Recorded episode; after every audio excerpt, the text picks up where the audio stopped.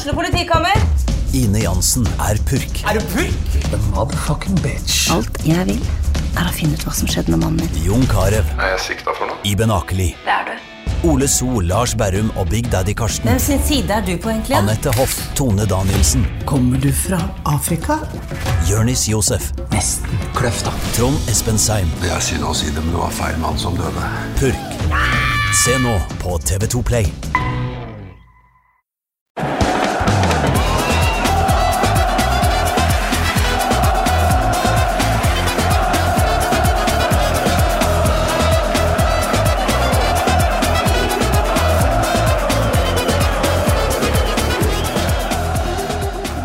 Og hjertelig velkommen til eh, en ny episode av Pyro og Pivo. Dette er jo en eh, fotballpodkast i utgangspunktet, og det er jo en fotballpodkast som ofte mm, er veldig lettbeint, eh, underholdende, liker jeg å tro selv. I dag så skal det nok ikke bli så mye av det, fordi et av mine favorittland, både innen fotball og andre ting, Tyrkia, ble jo ramma av et kraftig jordskjelv for noen uker tilbake. Eh, Det har eh, selvfølgelig prega også fotballen der. I dag skal vi snakke litt om eh, selve jordskjelvet og om hva slags påvirkning det har fått på fotballen. Og med meg da har jeg selvfølgelig på link fra Stockholm deg, Ekim Chalar. Velkommen tilbake. Tack så mycket. Tack så mycket. Det er vel eh, bare i Tyrkia, kanskje, at eh, en stor naturkatastrofe eh, Eh, kan kopplas eh, sömlöst till eh, fotbollspolitik? Det har ju blivit det. Alltså, först var det ju mest att i den här fruktansvärda tragedin, alltså vi pratar om runt 50 000 döda i den senaste siffran som jag har sett. Det, det verkliga antalet kommer vara mycket högre än så. Alltså, I den första reaktionen så är det så att alla gör vad alla kan. Och eftersom fotbollen är en så viktig del av människors liv, då vill folk kanalisera det genom klubbarna. Och klubbarna i sig är också väldigt aktiva. Så att på en gång blir det väldigt mycket fotboll i eh, hjälparbetet. Och som vi har sett, som vi säkert kommer komma in på senare också, så är det så att fotbollen har blivit nästan ett politiskt slagfält i Mm. efterdyningarna av eh, den här naturkatastrofen. Som med allt så är allting politik i Turkiet och som med väldigt mycket, kanske inte allt, men väldigt mycket så blir fotbollen en del av det. Eh, på gott och på ont. Vi såg det på gott i början, på ont nu kanske. Ja, og når du sier eh, fotballen får nesten en eh, politisk eh, Ja, det, det er en underdrivelse. Den er eh, helt klart eh, der, den linken, men vi, vi må jo ta det, det tyngste først, Ekim. Altså, du har vært med et par ganger tidligere. Du er jo, eller familien din er fra Gaziantep. Omtrent episenteret, vel, for det som skjedde. Fortell litt om skjelvet. altså vi har hørt mye om det, men ikke nok, føler jeg. Eh, Hvor stort var det? Du nevnte tallet på 50 000 omkomne nå. Eh, Hvordan står det til? Ja, det är otroligt stort. Och det är stort av många skäl. För att det är dålig beredskap. Det är stort för att det är en stor jordbävning. Effekten har också blivit värre av att det här skedde väldigt tidigt på morgonen. Eh, Mm. 04.17 eh, så rapporterades de första stora skalven in från gränsområdet någonstans mellan Kahramanmaraş och Gaziantep. Eh, och magnituden har varit så stor så att men som många vet, det är väldigt många drabbade i Syrien. Det är Mm. väldigt många drabbade hela vägen bort till östra Turkiet. Det, här är ju, det brukar betecknas som sydöstra Turkiet, men tittar man rent geografiskt så är det också ganska mycket mellersta Turkiet, södra mellersta Turkiet från där epicentret är, även om det liksom regionmässigt räknas som sydöstra. Eh, Men till väster så är det hela vägen bort till eh, Hatay, Antakya, som är den lilla remsan av Turkiet som också är mot Medelhavet, som är den nordvästra gränsen till Syrien. Ja. Så att rent geografiskt är det jättestora områden. Det är eh, tätbefolkade områden. Och som vi säkert kommer komma in på också, mycket på grund av att beredskapen har varit dålig så är det också väldigt många som har farit väldigt illa. Så det är både en stor naturkatastrof men också en stor försummelse. Eller Mm. Ja, det, mått av, ja, og det, er, det er jo ikke bare beredskapen eh, som har svikta, eller det kan jo hende at man definerer dette også som beredskap, men det er jo en del entreprenører, byggeselskaper osv. som har fått veldig hard kritikk. Eh, fordi eh, det, det, det er jo, selv om dette er et sjokk at det skjedde på den måten det gjorde, så är det ju inte ett sjokk för varken eh, arkitekter eller eh, eh Eh, lærde innenfor lärde innanför olika fält att här kan det och det kommer till att komma jordskjelv i framtiden. Ehm, så vitt jag har skjønt så har väldigt mycket av konstruktionen som har skett i eh, denna delen av Turkiet tagit väldigt lite høyde för att detta kan ske. Ja, men absolut. Och, eh, det här är ju tyvärr en alltså, ganska återkommande politik också. Mm. Eh, att man bygger husen och sen så får de godkänt stämpla långt senare med de här så kallade byggamnestierna. Så det är många olika regeringar som har gett byggnader som inte borde fått godkänt och som inte har fått mm. godkänt får en godkänt stämpel i efterhand för att de redan är byggda. Ja. Eh, så det är någon typ av fuskbyggen som inte gått igenom de kontroller som bör gås igenom. Och den senaste sån byggamnestin eh, skedde 2018, vilket är precis som du är inne på, Turkiet är ett jordbävningsdrabbat land. Alltså det var en extremt stor jordbävning också som många säkert känner till 1999. Det har varit andra skalv, vann 2011 var också en mm. jättestor jordbävning. Det har skett andra sådana jordbävningar också. Så att, att det skulle ske, det kunde experterna säga, men människor också minnen ifrån det här. Men sen så är det också väldigt mycket kring till exempel de här byggamnestien eller till exempel kring att man har samlat en um, jordbävningsskatt, brukar man kalla det för i Turkiet, i mer än två decennier och de pengarna vet vi inte hur de har använts. Så att om eh, de pengarna hade använts på rätt sätt så hade det kanske varit så att byggnaden också hade kunnat vara mer säkra. Men just nu så eh, pekar allt på att det finns en försummelse i eh, förarbetet också, försummelse i kontrollerna, vilket naturligtvis gör att det här blir en fråga mer än bara en naturkatastrof såklart. Ja, och när vi då snackar om, om störelsen på detta själva så var det ju det var ju enormt. och jag hade Jeg snakka litt om det med elevene mine tidligere denne uka. Eh, da dro jeg opp Google Maps eh, foran eh, klassen og tegna på en måte en ring rundt hvor, hvor dette har blitt kjent. Da. Fordi man snakker veldig mye om Tyrkia. Det er jo enorme tap også i Syria. Gaziantep og, og Antakya det ligger jo veldig nært Syria. Og det, det, har jo blitt kjent så langt uh, som i uh, Adana, uh, i Beirut. Altså, det er et enormt område som har merka dette skjelvet. Og det sier jo litt om, om, tyngden, men det er jo også veldig tettbebodde land vi snakker om her. 50 000 døde så langt. Det er vel Man tror vel ikke at man er ferdig med å telle opp ennå? Nej, så är det. Eh, det är med all sannolikhet ett väldigt, väldigt stort mörkertal.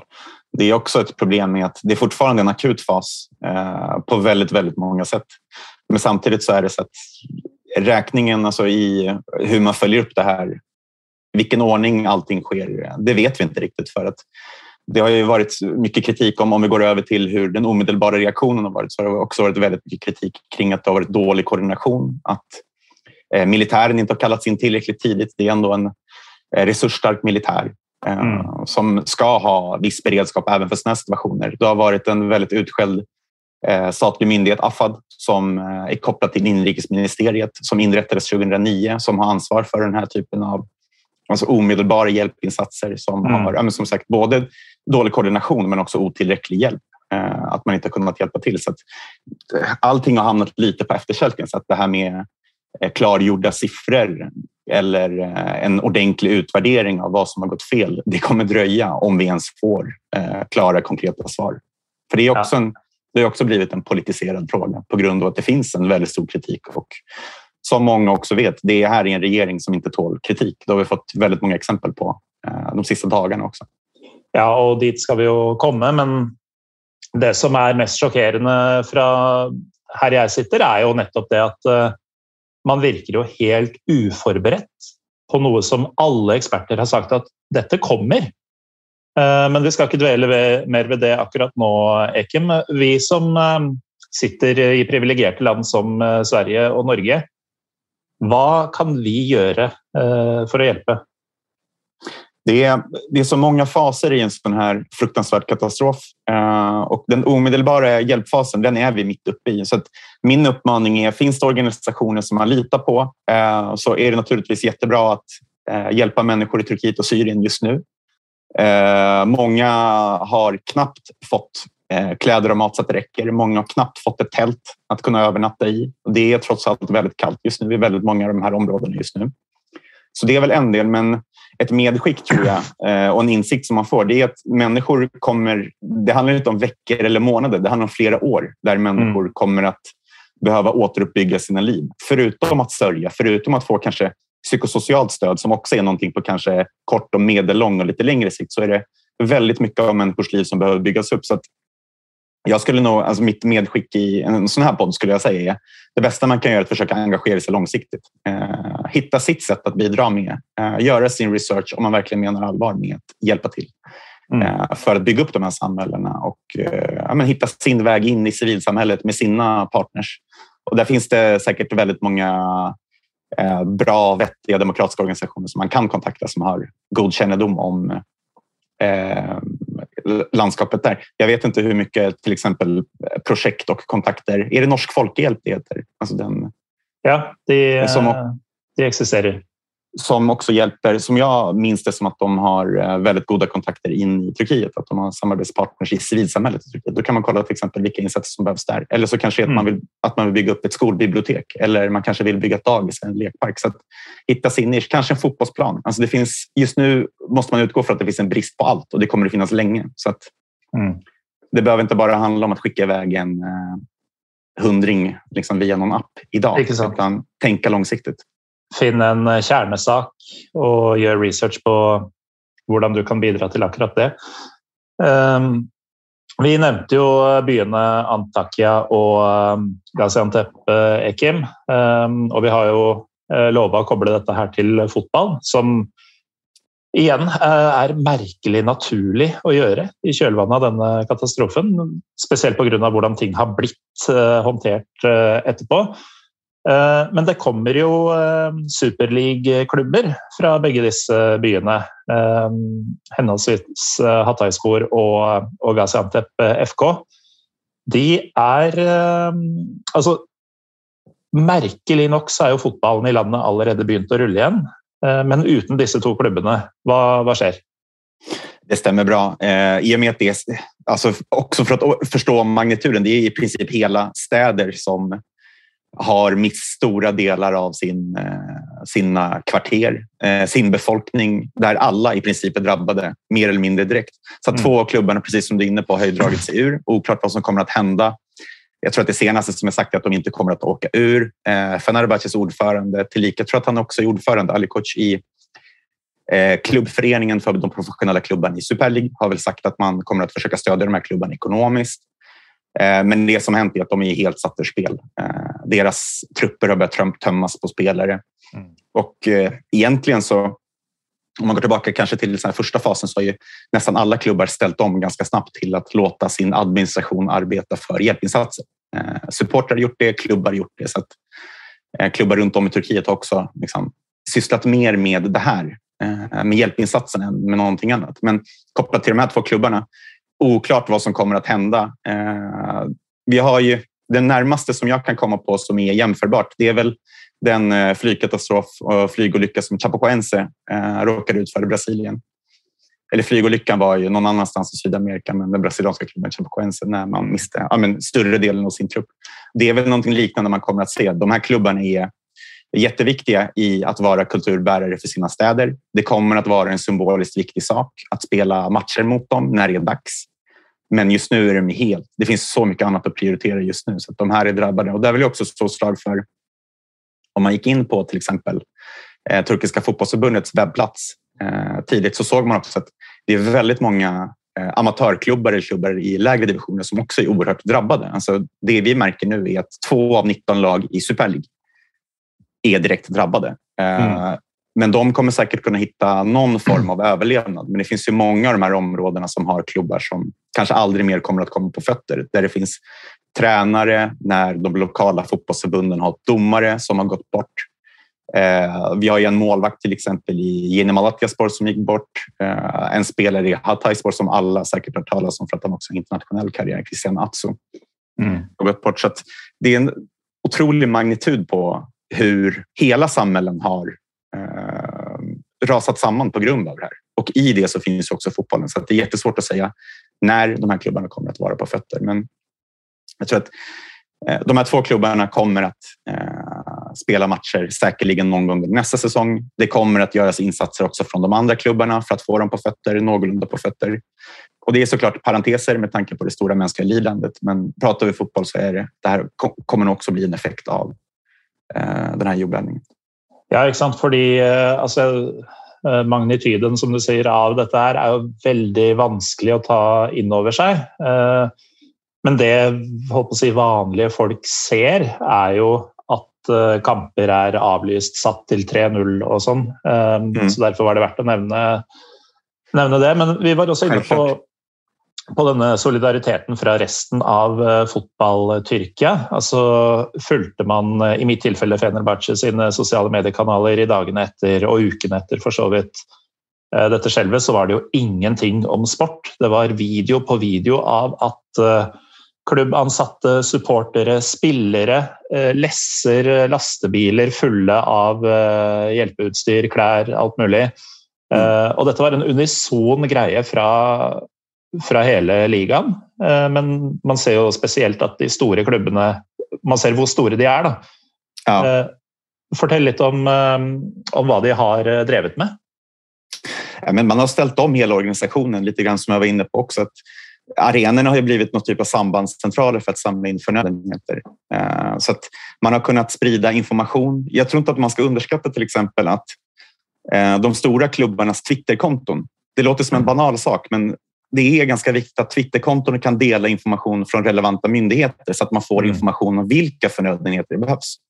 Så bara där har man säker, säkerligen gjort skillnad. Att det behövs, idag är det kanske blöjor. Imorgon kommer en ny lista på saker som delas från de här kontona där man vet att det är strumpor eller någonting annat som behövs i mycket större utsträckning. Mm. Så det är den ena delen, att man, rent, man har faciliteter, man har kommunikationskanaler. Men sen har man också personal.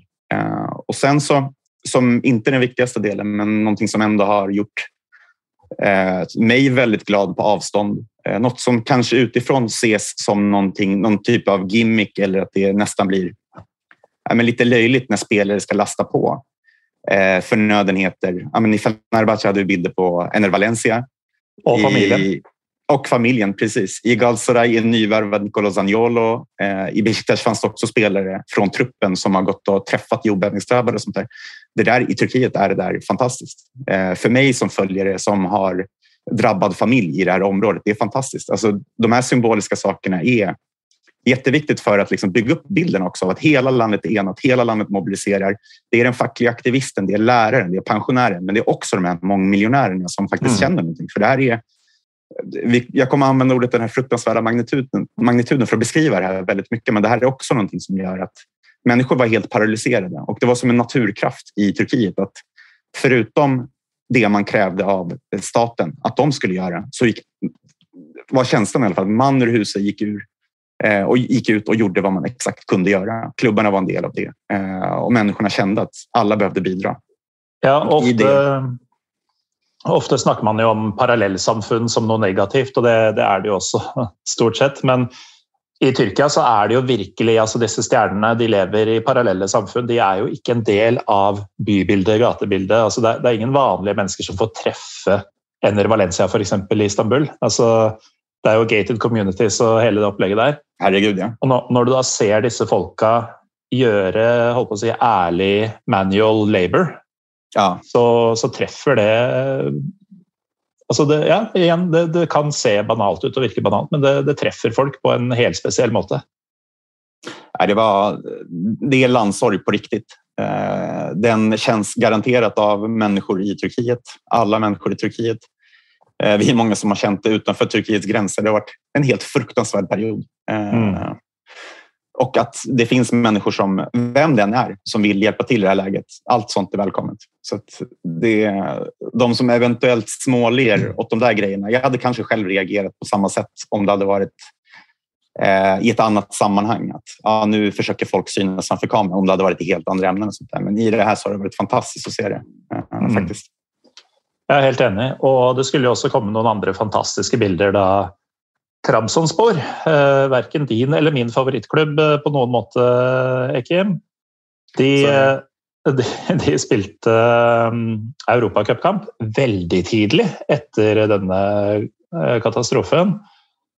Og det var noen bilder fra de tribunene som uh, verken du eller jeg trodde man skulle få se i vår levetid. Nej, men så är det. Ett fantastiskt fint tifo eh, som återigen visar att just nu tänker inte någon på någonting annat än det här. Och det här var i mitten av februari.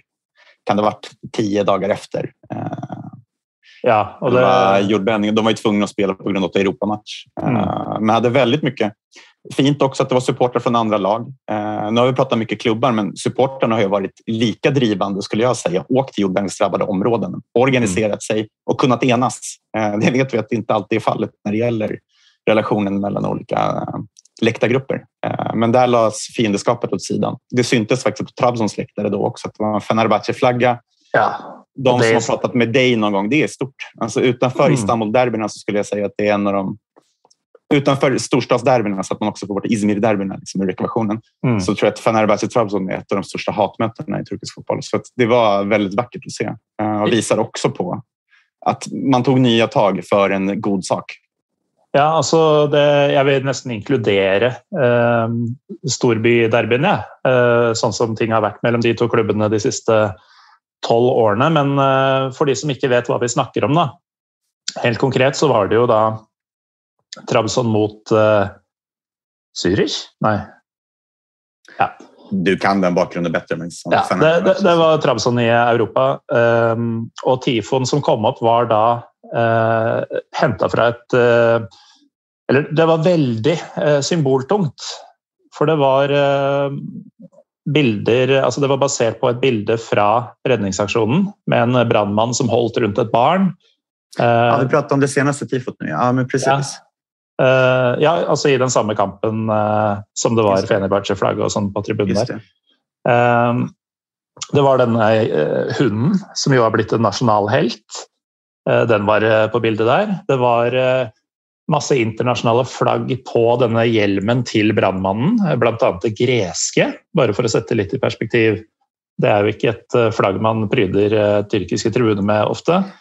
Speciellt inte i en nationalistisk stad som Trabzon. Alltså bara det. Det fanns ju en liten grupp Trabzon-supportrar faktiskt som vid, när de vann, blev mästare förra året protesterade mot att man firade tillsammans med sina grekiska spelare. Så mm precis som du är inne på, så bara att den grekiska flaggan var där var ja. jättefint. Sen så, det, det, är inte alla länder som har gjort viktiga insatser. Hela världen har faktiskt, alltså, mer eller mindre de som mm. har resurser, eh, hjälpt till.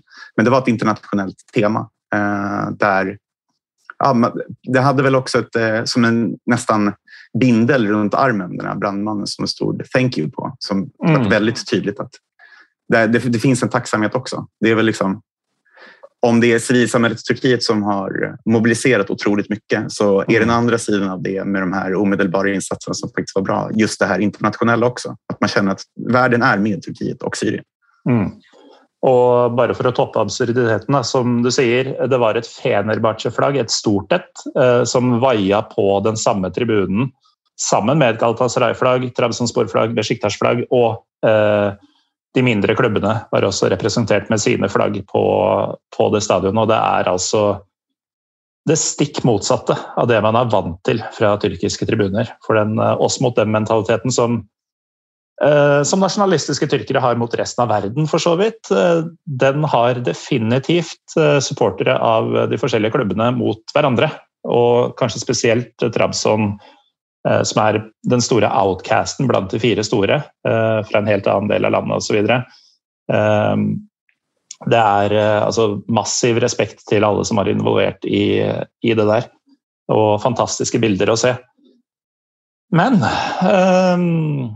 det var eh, den hyggelige delen av det. Hvordan folk har kommet sammen eh, for å hjelpe så har jo ligafotballen også begynt å rulle, eh, Ekim. Og mm, vi var inne på det tidligere, det har vært mye kritikk retta mot reaktionen, alltså reaksjonen, altså myndighetenes håndtering av dette her, både før og etter. Og det har jo kommet til uttrykk på tribunen, bland bl.a. hos ditt Besjiktas for ikke så veldig lenge siden. Fortell litt om hva som skjedde. Men det som det omedelbara, det var väl att jag tror att det måste ha varit den första matchen. Den mellan, alltså efter det var några matcher som sköts upp omedelbart från den förra omgången så att säga. De spelades nu förra helgen. Mm. Uh, tror att det var i lördags uh, när Fenerbahce mötte Konya. Om vi börjar den änden så kommer vi till Besiktas senare. Okay. Uh, så var det ju, men satt framför tvn och kollade. I slutet av första halvlek så hörde man en ganska välbekant, ett välbekant slagord och välbekant ramsa. Hykumet istifa.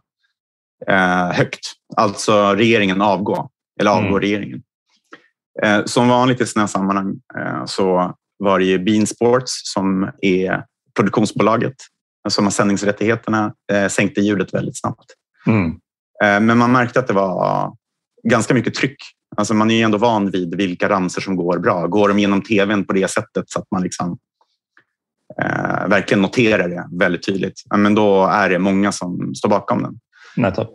Eh, och det var, det, det var många som reagerade på att det här blev en grej. Det var många som reagerade på att det tystades ner väldigt, väldigt aktivt.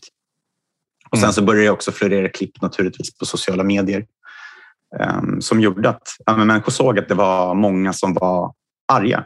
Uh, och Turkiet är ju, jag tror att liksom för kontextens skull, för att förstå vad som håller på att hända på turkiska läktare, så tror jag också att man måste kontextualisera det med att men Turkiet är ett land som har gått i auktoritär riktning. Det vet alla om.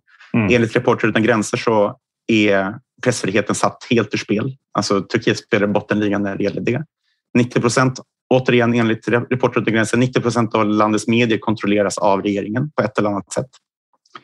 Så att i sådana sammanhang, det finns väldigt få utrymmen kvar där människor kan höras och göra saker tillsammans. Nu hittade man den här med den frustrationen som man har över mm. eh, framförallt eh, den här jordbävningskatastrofen, hanteringen av den. Men säkerligen många andra frågor också som har legat och puttrat. Det finns en missnöjdhet över det ekonomiska läget. Det finns en missnöjdhet mm. över att man inte behandlas som likvärdiga medborgare om man inte stödjer rätt sida så att säga politiskt. Så när det här kom fram så var det ganska tydligt. Det var inte bara jag som reagerade på det här som någonting som man trodde faktiskt skulle eh, kunna växa. Och det gjorde det ju. Det blir någon sorts dominoeffekt också. Och man brukar säga att eh, mod, det är ju någonting som smittar. Eh, och det modet smittar ju av sig. Besiktas ska inte vara sämre än Fenerbahce. Så det är klart att när Besiktas spelar match också, så med den eh, läktarprofil som man har, som mm. de uppstudsiga lillebröderna i eh, Istanbul, som också är, har lite mer... Man leker väldigt mycket med en vänster och upprorisk symbolik. Ja. Uh, Anarkist-symbol i uh, supporterklubblogon. Och Exakt. Sen så är inte läktarna vänster rakt av. Alltså det är inget Livorno, det är inte St. Pauli. Det är betydligt mer komplext än så såklart. Eh, det är den första att skriva under på. Men det finns en upprorisk prägel och eh, förutom både under Fenerbahce och Besiktas-matchen så samlar man ihop förnödenheter. Det har blivit en återkommande sån Eh, ganska symbolisk hjälpinsats. Det är inte den viktigaste hjälpinsatsen, men att man kastar in till exempel, som under Besiktas-matchen, man kastar in nallar till barnen för att mm. göra en mm. poäng av att den här matchen handlar om någonting annat. Vi är här för att göra nytta också. Ja. Så samlar man både in förnödenheter vid sidan av matchen, men man kastar också in till exempel nallar som i det fallet. Fenerbahce-supportrarna kastade in halsdukar i sin match. Mm.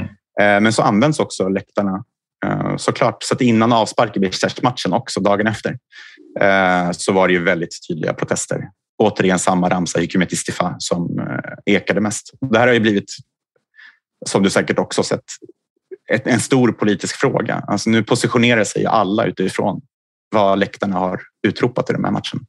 Ja, det har blivit en jättestor sak, men det som är tydligt, alltså för vi går vidare på reaktionerna på, på dessa ropen, är ju att det är ju i, i, mulig jeg tar eh, bruker litt store ord nå, men det er jo uttrykk for en nasjons sinne. At uh, den høyeste Alle som har vært på en tyrkisk stadion eller sett en tyrkisk kamp på TV, vet at her er det høyt desibelnivå. Når det høyeste av alle rop ikke er til støtte for din egen klubb, men for at regjeringa må avgå, det er veldig betegnende for, uh, for hvordan folk tenker akkurat nå. Og um, det må jo kveles, eh, sier regjeringa. Jeg, jeg retweeta jo, eller Pyro Pivo, retweeta din eh, tråd eh, fra, fra, noen dager tilbake, men jeg tror vi nesten må, må gå litt gjennom hva som har skjedd. Vi kan vel kanskje begynne med Devlet Bacelli, leder for det, for det, det meget ja, på å si konservative, veldig nasjonalistiske partiet MHP. Ultranationalistiskt och det är ändå beteckningen ultranationalistisk kan ju användas för att beskriva den eh, på ytan åtminstone, moderniseringsprocess som man har gått igenom de sista decennierna. Men i grunden så eh, finns det goda skäl att kalla det för ett fascistparti rakt av. Alltså det, det, det heter Milliet Halk Partisi och det... Ja, Milliet Jarket Partisi. Ja, jag ville på norsk översatt till Nationalistisk Folkeparti. Alltså, Nej, det, är, det är inte Halk, det är Harket. Så det är alltså Nationalistiska aktionspartiet. Ja, Okej, okay, okay. Da, da, trekker jeg tilbake min oversettelse. Men eh, nasjonalistisk er det i hvert fall. Og eh, lederen han har gått hardt ut mot, uh, mot supporterprotestene. Ja, och det som också är viktigt för kontexten. Det här är en del av regeringsunderlaget, så det är samarbetspartners till regeringen. De har inga ministerposter, men de utgör liksom regeringsunderlag. Mm. Eh, också viktigt att komma ihåg när Devlet Bahçeli går ut och säger att de här uttrycken är Eh, respektlösa mot jordbävningsoffren, menar han. Och det är ganska tydligt att han lägger ansvaret för det här på klubbarna och säger att behövs det så kommer det, om det här fortsätter, så som det gjorde på Fenerbahces match och det här skrev han precis i samband med Besiktas match där också skedde. Då.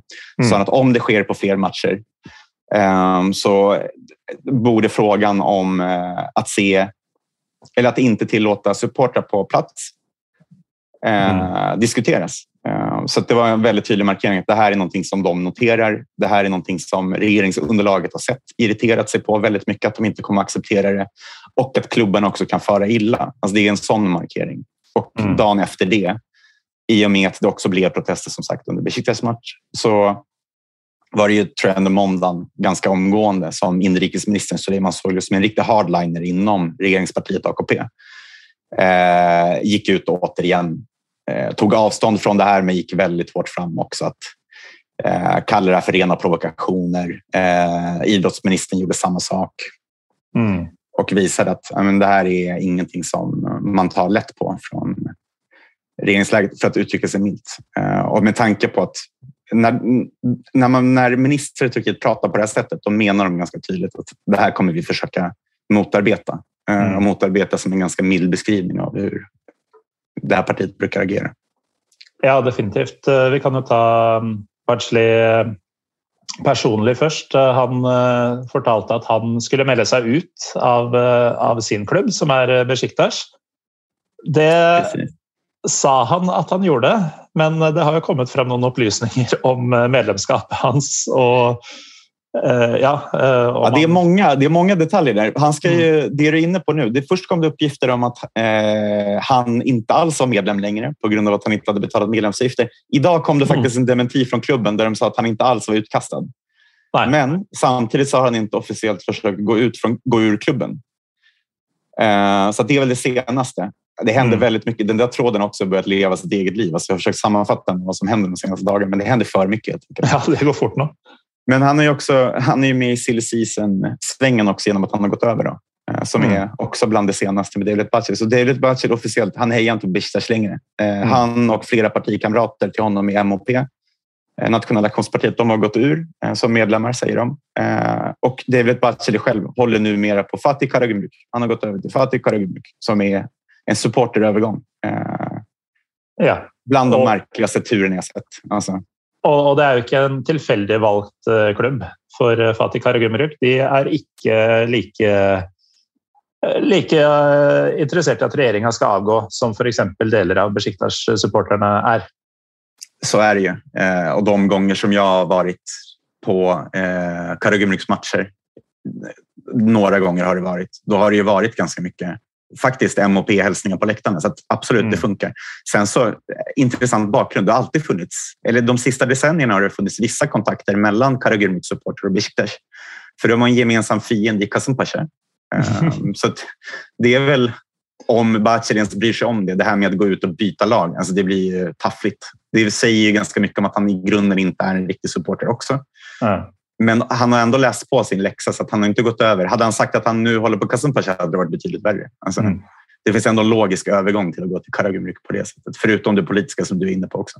Men det är ett par uh, geografiska ting här uh, som uh, delvis Istanbul-nerden Morten Galaasen biter seg merke i, det er jo at for det første, jeg vet jo at Fatih, bydelen som Fatih Karagumruk kommer fra, den er jo eh, mer konservativ enn de fleste andre sentrale deler av eh, Istanbul.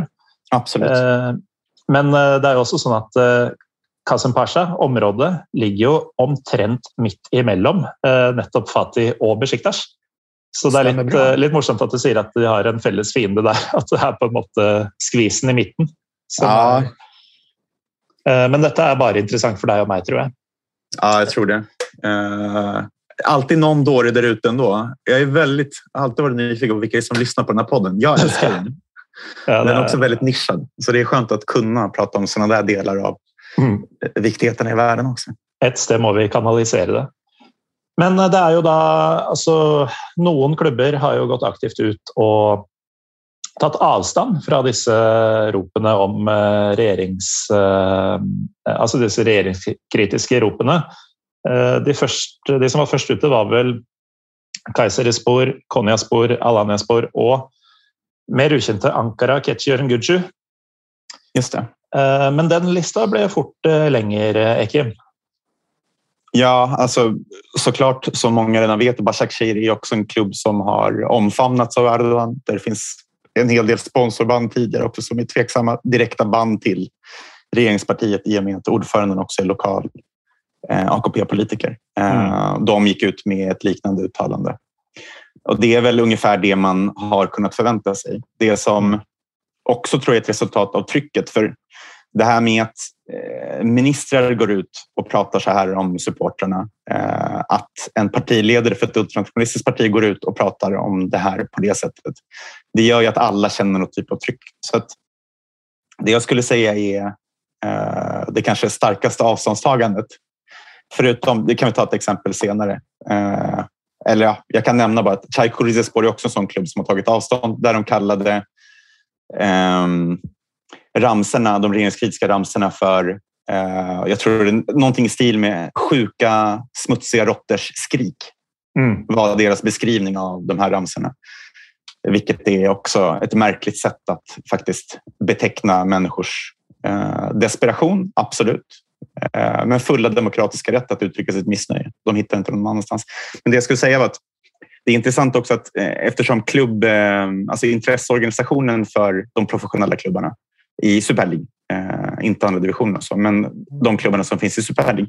De har gemensamt gått ut i ett ganska mjukt avvägt, alltså väl avvägt uttalande där man inte direkt egentligen fördömer eh, ramserna, men där man har sagt att nu är det dags för fotbollen att stå för enighet och stå upp mm. bakom mer eller mindre det man säger i regeringen och lugna ner sig med allt som inte har med hjälpinsatser att göra. Och det är en markering mot ramserna, men man säger det inte rakt ut. Mm.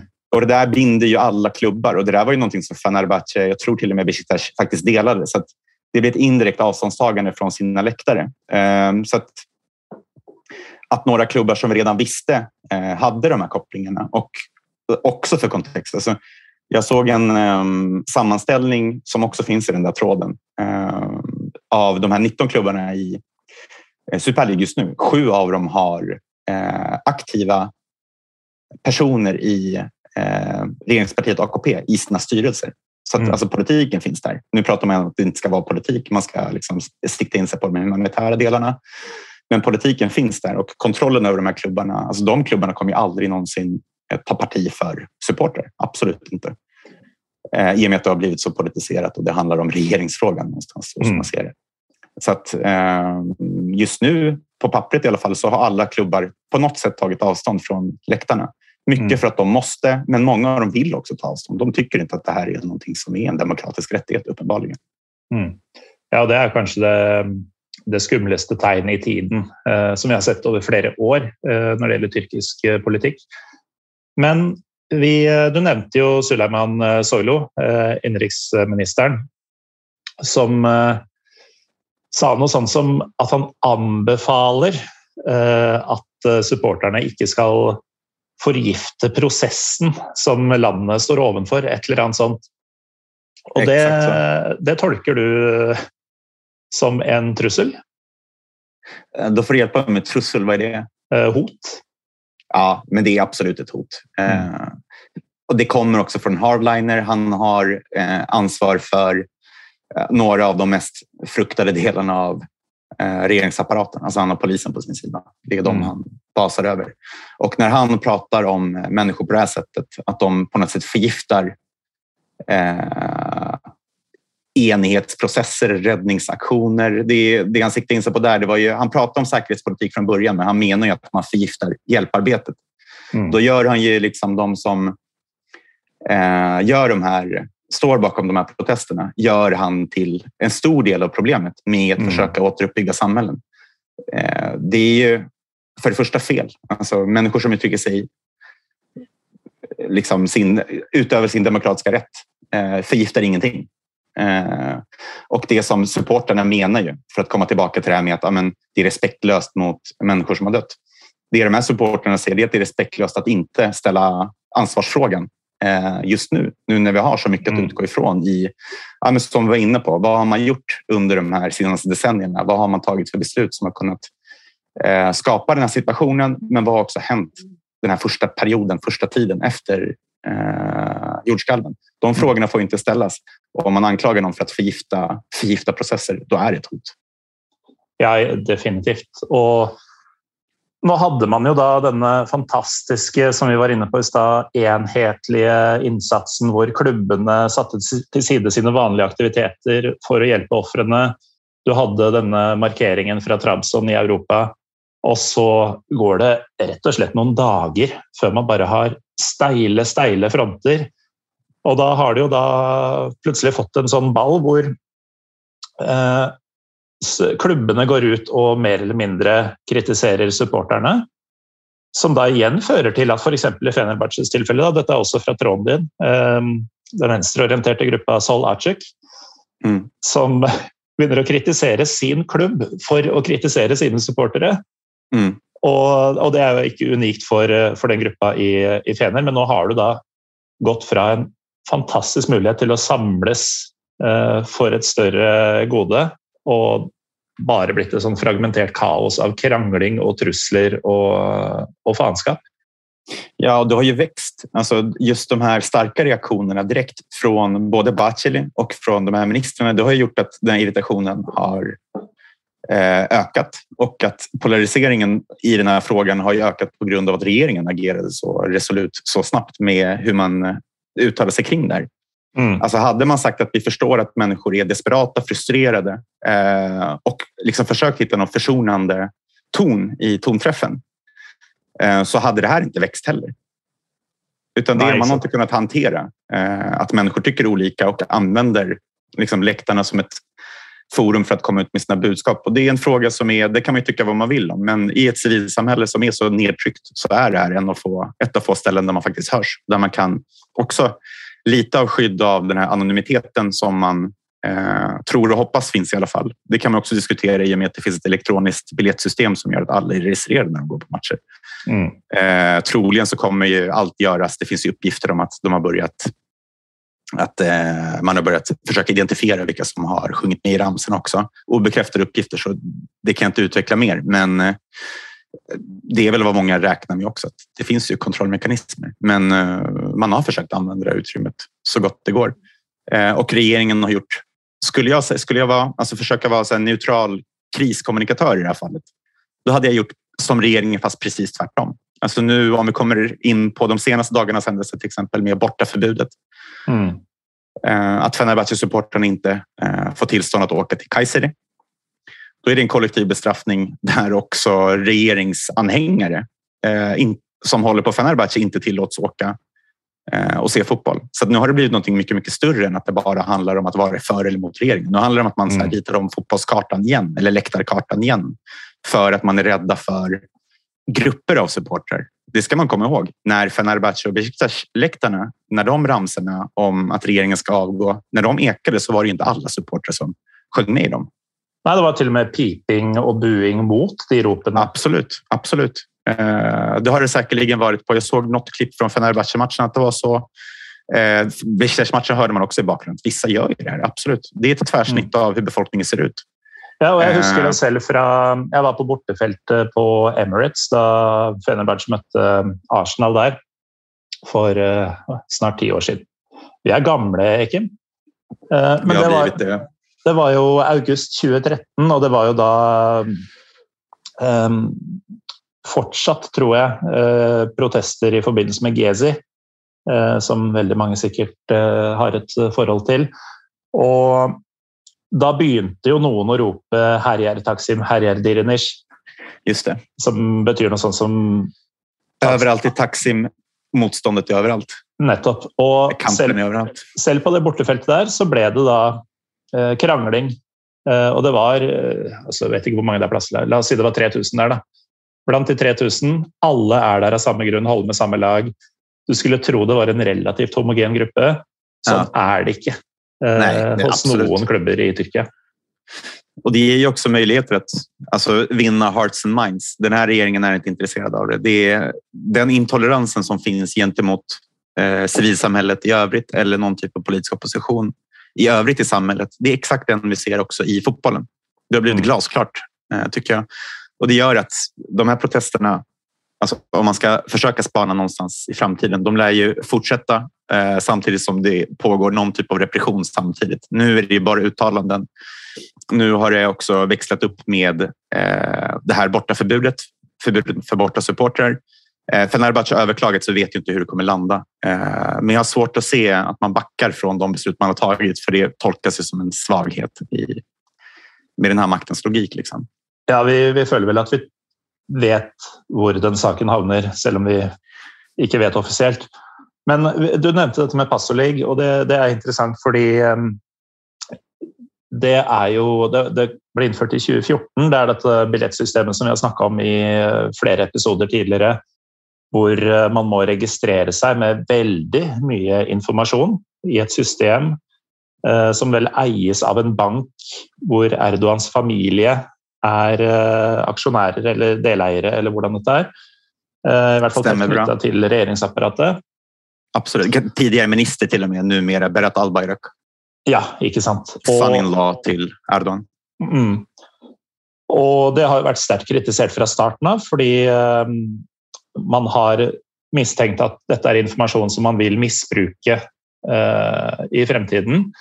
Og så har det, det, var jo veldig mange protester de første årene. Det var vanskelig å få folk på tribunene, de store supportergruppene holdt seg unna, sånn, men så har jo de holdt på å si, blitt utslitt, uh, gitt opp litt, og så har jo tribunene blitt fylt igjen med årene.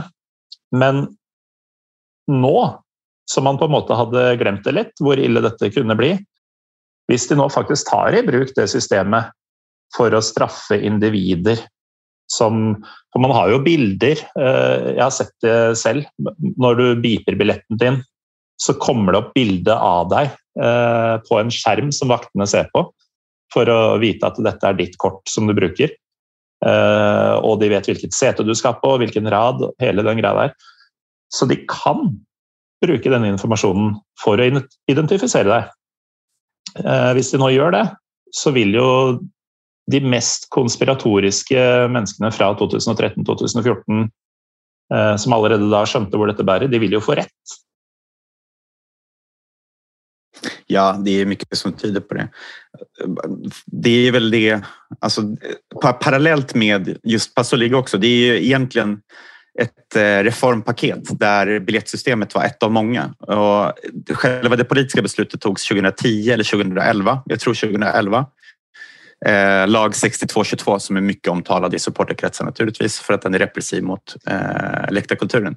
Precis som du är inne på, man varnade för det redan då. Eh, att det infördes till slut 2014 sågs också som en markering mot just att väldigt många supportrar var ute på gatorna under Gizeh-protesterna.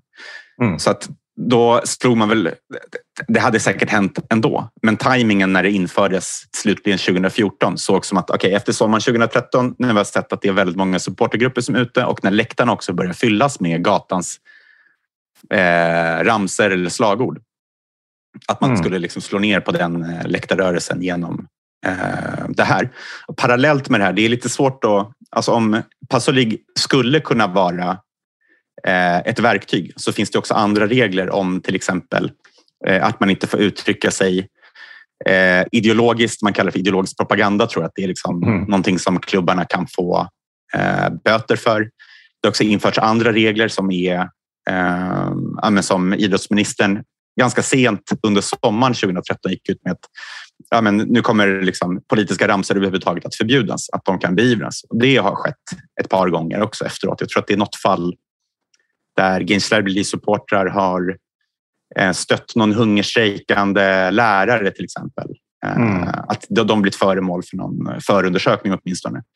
Och det är klart att i fel händer i ett sånt här system eh, skulle det kunna vara någonting väldigt, väldigt repressivt också. Men mm. med det sagt, bojkotten fortsätter ju inte för många, men en, en del supportrar i alla fall. Så det är precis som du säger att läktarna har ju börjat fyllas igen. De halverades direkt efter eh, alltså genomsnittsantalet genomsnittsåskådarna i Super League. Nu är de uppe på gamla nivåer i eh, antal. Men eh, det vi kan räkna med att det ändå är någon typ av utbyte av supportrar som har skett. Alltså det är nya som har tillkommit och många gamla har tacklat av. Så det har blivit någon påtvingad generationsväxling också. Så mm. Jag har gått på mycket matcher med Besiktas. Eh, jag vet ju mycket folk som fortfarande inte går. Alltså sådana som har varit väldigt aktiva på Besiktas eh, verkligen en del av den kulturen, går ju inte på fotboll längre för att de inte vill befatta sig med eh, Pasolik. Nej, jag eh, var ju på en liten ferie där i, i augusti i fjol och hade då i solidaritet med mina vänner i, i Besiktas miljö, nej ursäkta, Fenerbahce miljö, um, også slutta å dra på kamper etter at Passolig ble innført. Men eh, jeg sprakk. skal innrømme, Jeg kjøpte en sånn dagsvariant ja. Eh, og dro på eh, europacupkampen mot Austria Wien. Det er derfor jeg har sett hvordan dette fungerer i, i praksis. Og da jeg møtte mine venner etter kampen, så fikk jeg veldig dårlig samvittighet. Fordi de har jo seriøst ikke vært på stadion på nesten ni år. Altså, dette er banen som de, de har laget tifoer og hatt sesongkort på, vært der siden barndommen, altså vært aktive. Dette er en stor, stor del av livet deres. Og bortekamper og liksom hele den greia der. Ni år uten å gå på stadion. De husker jo knapt åssen det ser ut på innsiden, hvordan det føles, lukter, alt det der. Eh, og så ja, du, du, skjønner jo hvor mye det betyr for folk da, når de er villige til å gi avkall på det over så lang tid. Och vad det får för effekter. Du är precis inne på det. Det är människor som har varit aktiva, som står där på bortaläktaren, som är involverade i TIF-arbete. Eh, det är, 2014 är en vändpunkt, skulle jag säga, i turkisk eh, läktarkultur. Man behöver inte rangordna det var det bättre eller sämre för, det är jag inte intresserad av. Men att det är något annorlunda det tycker jag att man absolut kan se. Och de här uttrycken, eftersom det också har blivit en ja, men, naturligt sätt en naturlig följd av det här har ju varit en avpolitisering av de, polit- de uttrycken som finns på läktarna. Förut var det mm. ganska vanligt med politiska uttryck. De har blivit allt mer ovanliga så att det här med ramserna nu sista veckan som jag sett, det har blivit någon typ av återgång till läktarna som sociala rörelser med ibland till och med politiska krav. Mm. Um, så det, en, det går inte att liksom trolla bort det. För så länge människor är arga utanför arenan av politiska skäl så kommer de vara arga när de går in också det är det det visar tycker jag. Men nu är vi ju då i en tid där eh, det, det är väldigt mycket som sker. Alltså, du sa du försöker hålla den tråden relevant och det, det går ju inte an att hålla följe med alla uttalelser, alla händelser, alla domar eh, och så vidare. Men nu har vi alltså detta borteförbudet som selvfølgelig Fenerbahce har klagat på. Eh, du har massa masse Eh, sentrale politikere som mer eller mindre direkte truer klubber og supportere til eh, taushet. Og midt oppi dette så har du fortsatt eh, store deler av eh, både Tyrkia og Syria som trenger kontinuerlig hjelp over flere år framover. Dette blir et stort spørsmål, Ekim, men hva, hva skjer videre nå? Nej, men det som sker omedelbart nu det är att man kommer trycka på, klubbarna kommer trycka mycket på att eh, fotbollen fort, fortsatt har en jättestor eh, och viktig del i återuppbyggnaden av de här områdena. Eh, mm. Det är helt korrekt. Eh, ingen motsäger det. Det gör inte de här oppositionella supportrarna heller. De vill gärna att fotbollen ska spela den rollen. För alla är fortfarande väldigt tagna av situationen. Alltså, nästan alla, eftersom det också finns en jättestor intern migration i Turkiet, så känner alla någon som känner någon som är drabbad.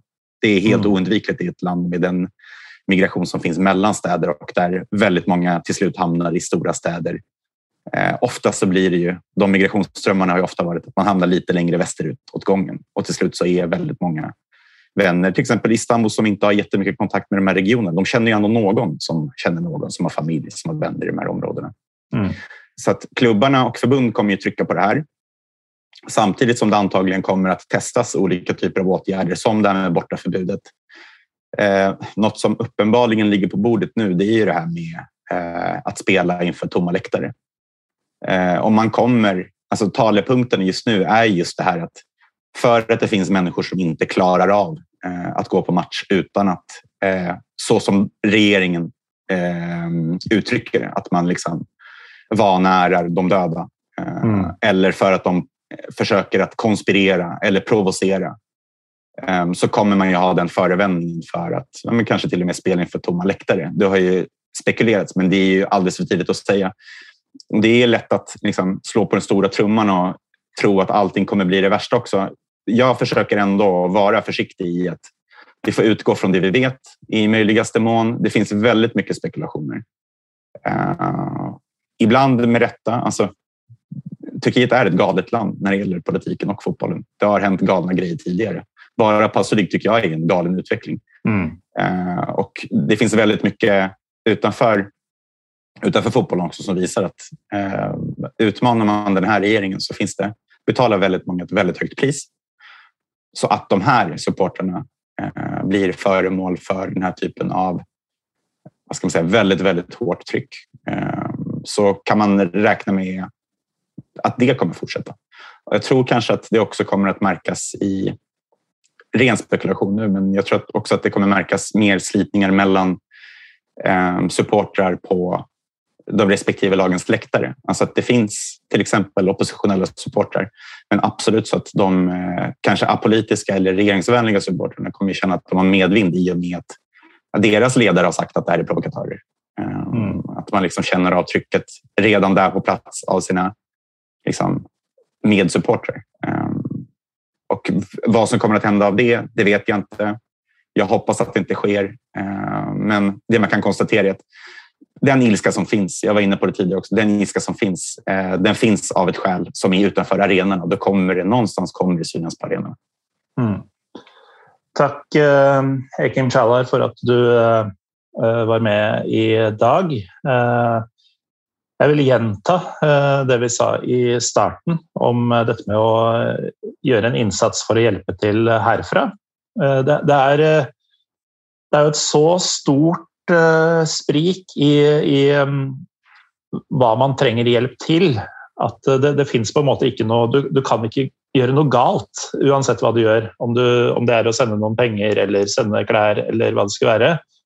Eh, men det är heller inte lätt att finna liksom den ena tingen som vi ska uppfordra alla till att göra. Eh, så det du sa tidigare om att finna något som, som är viktigt för dig själv, eh, om det är skolgång eller idrott eller vad det är.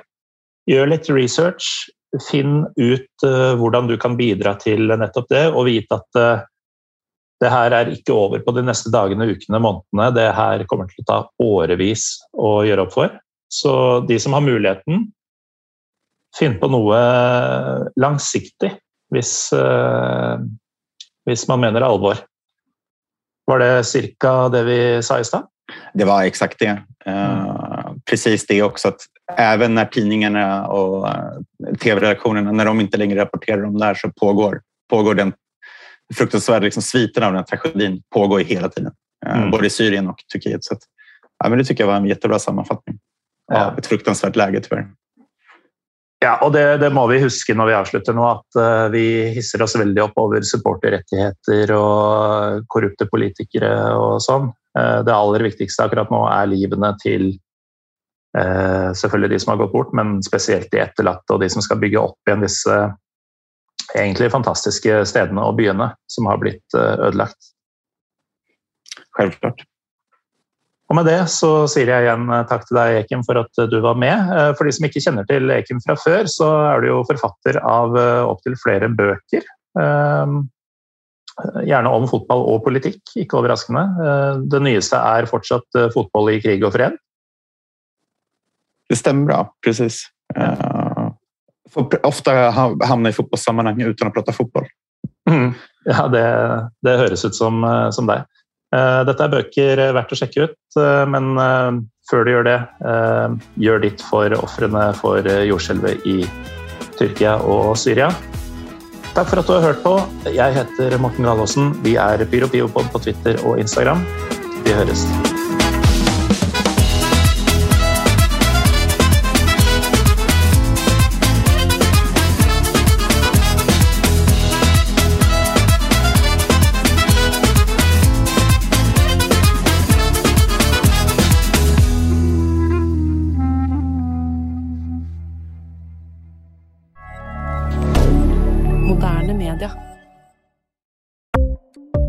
Ukens annonsør er HelloFresh. HelloFresh er verdens ledende matkasseleverandør og kan være redningen i en travel hverdag. Mange av oss har nok vandret i butikken både sultne og uten en plan for middagen, som ender med at vi går for de samme kjedelige rettene gang på gang. Middag burde være dagens høydepunkt. Som HelloFresh kan du nå velge mellom 25 ulike retter hver eneste uke, eller få HelloFresh til å sette sammen menyen for deg. Dette gir deg muligheten til å prøve nye og spennende retter alene eller sammen med familien. Du velger antall porsjoner og får alt levert på døren på et tidspunkt som passer for deg. Oppskriftene er enkle, og maten er lett å lage både for store og for små. Ved å få alt levert hjem får du også mer tid til å dele matgleden med familie og venner. Kanskje det frister med asiatiske tacos eller greskinspirert kylling? Da kan jeg anbefale deg om å gå inn på hellofresh.no. Her kan du bruke koden FOTBALL og få opptil 1779 kroner i rabatt på de første fem matkastene hvis du ikke har prøvd Hello Fresh tidligere. Du kan også bruke rabatten hvis du har vært kunde og stoppet abonnementet ditt for tolv måneder siden eller lengre. Gå inn på hellofresh.no og bruk koden FOTBALL. Har du et enkeltpersonforetak eller en liten bedrift? Da er du sikkert lei av å høre meg snakke om hvor enkelt det er med kvitteringer og bilag i fiken, så vi eh, gir oss her, vi. Fordi vi liker enkelt. Fiken superenkelt regnskap.